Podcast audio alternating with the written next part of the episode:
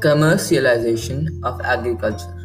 By the mid 18th century, the East India Company had acquired territories in parts of South India, Bengal, Bihar, and Orissa. These areas were rich in agriculture and possessed a flourishing trade in handicrafts. The company was interested in promoting a controlled commercialization of agriculture in order to provide commodities for the Western markets.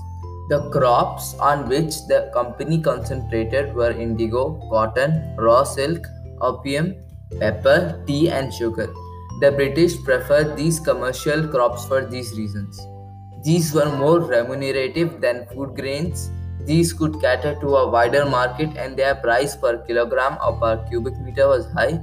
Popular commercial crops in demand included opium and indigo. Opium.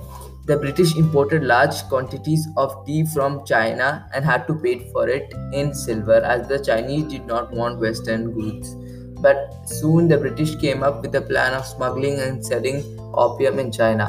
After 1765, the company appointed contractors to produce opium in Bengal and fixed its price. The price was set as low as possible so that it would yield a large profit to the state. The development of opium as a commercial crop fulfilled two objectives. It yielded a huge revenue in India. It also created a channel via the pur- purchase of Chinese tea for the remittance of that income to London.